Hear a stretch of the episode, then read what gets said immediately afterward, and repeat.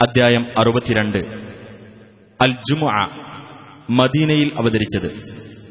ഒമ്പതാം വചനത്തിൽ ജുമാ നമസ്കാരത്തെപ്പറ്റിയുള്ള പരാമർശമാണ് ഈ പേരിന് നിദാനം بسم الله الرحمن الرحيم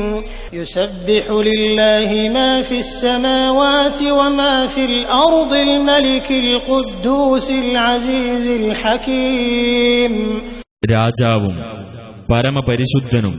പ്രതാപശാലിയും യുക്തിമാനുമായ അള്ളാഹുവെ ആകാശങ്ങളിലുള്ളതും ഭൂമിയിലുള്ളതുമെല്ലാം പ്രകീർത്തിച്ചുകൊണ്ടിരിക്കുന്നു هو الذي بعث في الأميين رسولا منهم يتلو عليهم آياته ويزكيهم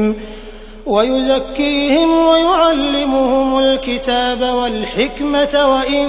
كانوا من قبل لفي ضلال مبين അക്ഷരജ്ഞാനമില്ലാത്തവർക്കിടയിൽ തന്റെ ദൃഷ്ടാന്തങ്ങൾ അവർക്ക് വായിച്ചു കേൾപ്പിക്കുകയും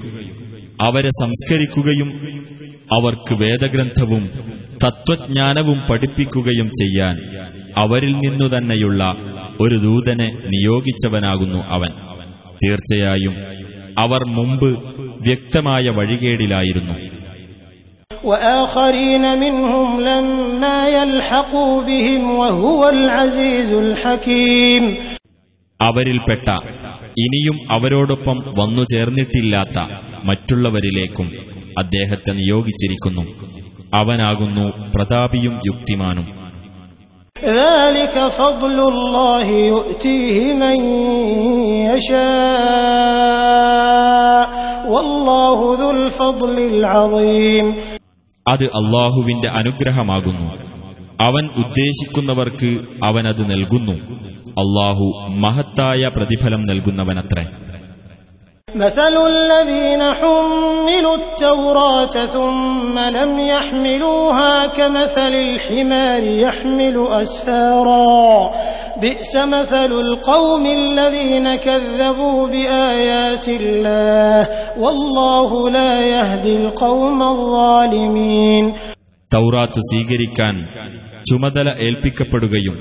എന്നിട്ട് അത് ഏറ്റെടുക്കാതിരിക്കുകയും ചെയ്ത യഹൂദരുടെ ഉദാഹരണം ഗ്രന്ഥങ്ങൾ ചുമയ്ക്കുന്ന കഴുതയുടേതുപോലെയാകുന്നു അള്ളാഹുവിന്റെ ദൃഷ്ടാന്തങ്ങൾ നിഷേധിച്ചു കളഞ്ഞ ജനങ്ങളുടെ ഉപമ എത്രയോ ചീത്ത അക്രമികളായ ജനങ്ങളെ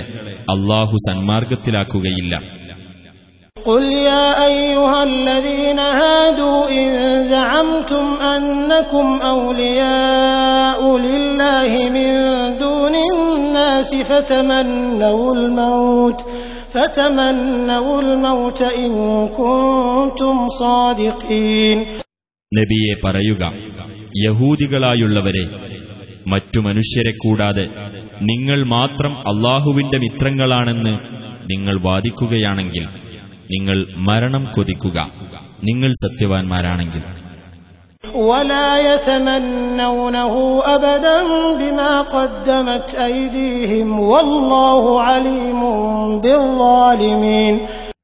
എന്നാൽ അവരുടെ കൈകൾ മുൻകൂട്ടി ചെയ്തു വെച്ചതിന്റെ ഫലമായി അവർ ഒരിക്കലും അത് കൊതിക്കുകയില്ല. അള്ളാഹു അക്രമകാരികളെപ്പറ്റി അറിവുള്ളവനാകുന്നു قل إن الموت الذي تفرون منه فإنه ملاقيكم ثم تردون إلى عالم الغيب والشهادة فينبئكم بما كنتم تعملون നബിയെ പറയുക തീർച്ചയായും ഏതൊരു മരണത്തിൽ നിന്ന് നിങ്ങൾ ഓടി അകലുന്നുവോ തീർച്ചയായും അത് നിങ്ങളുമായി കണ്ടുമുട്ടുന്നതാണ്. പിന്നീട് അദൃശ്യവും ദൃശ്യവും അറിയുന്നവന്റെ അടുക്കലേക്ക് നിങ്ങൾ മടക്കപ്പെടുകയും ചെയ്യും. അപ്പോൾ നിങ്ങൾ പ്രവർത്തിച്ചുകൊണ്ടിരുന്നതിനെപ്പറ്റി അവൻ നിങ്ങളെ വിവരമറിയിക്കുന്നതാണ്. يا أيها الذين آمنوا إذا نودي للصلاة من يوم الجمعة فاسعوا إلى ذكر الله وذروا البيع ذلكم خير لكم إن كنتم تعلمون സത്യവിശ്വാസികളെ വെള്ളിയാഴ്ച നമസ്കാരത്തിന് വിളിക്കപ്പെട്ടാൽ അള്ളാഹുവെപ്പറ്റിയുള്ള സ്മരണയിലേക്ക് നിങ്ങൾ വേഗത്തിൽ വരികയും വ്യാപാരം ഒഴിവാക്കുകയും ചെയ്യുക അതാണ് നിങ്ങൾക്ക് ഉത്തമം നിങ്ങൾ കാര്യം മനസ്സിലാക്കുന്നുവെങ്കിൽ فإذا قضيت الصلاة فانتشروا في الأرض وابتغوا من فضل الله واذكروا الله كثيرا واذكروا الله كثيرا لعلكم تفلحون അങ്ങനെ നമസ്കാരം നിർവഹിക്കപ്പെട്ടു കഴിഞ്ഞാൽ നിങ്ങൾ ഭൂമിയിൽ വ്യാപിച്ചുകൊള്ളുകയും അള്ളാഹുവിന്റെ അനുഗ്രഹത്തിൽ നിന്ന് തേടിക്കൊള്ളുകയും ചെയ്യുക നിങ്ങൾ അള്ളാഹുവെ ധാരാളമായി ഓർക്കുകയും ചെയ്യുക നിങ്ങൾ വിജയം പ്രാപിച്ചേക്കാം وإذا رأوا تجارة أو لهوا انفضوا إليها وتركوك قائما قل ما عند الله خير من اللهو ومن التجارة والله خير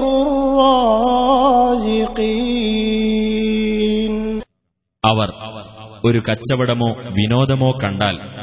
അവയുടെ അടുത്തേക്ക് പിരിഞ്ഞു പോകുകയും നിന്ന നിൽപ്പിൽ നിന്നെ വിട്ടേക്കുകയും ചെയ്യുന്നതാണ് നീ പറയുക അള്ളാഹുവിന്റെ അടുക്കലുള്ളത് വിനോദത്തെക്കാളും കച്ചവടത്തെക്കാളും ഉത്തമമാകുന്നു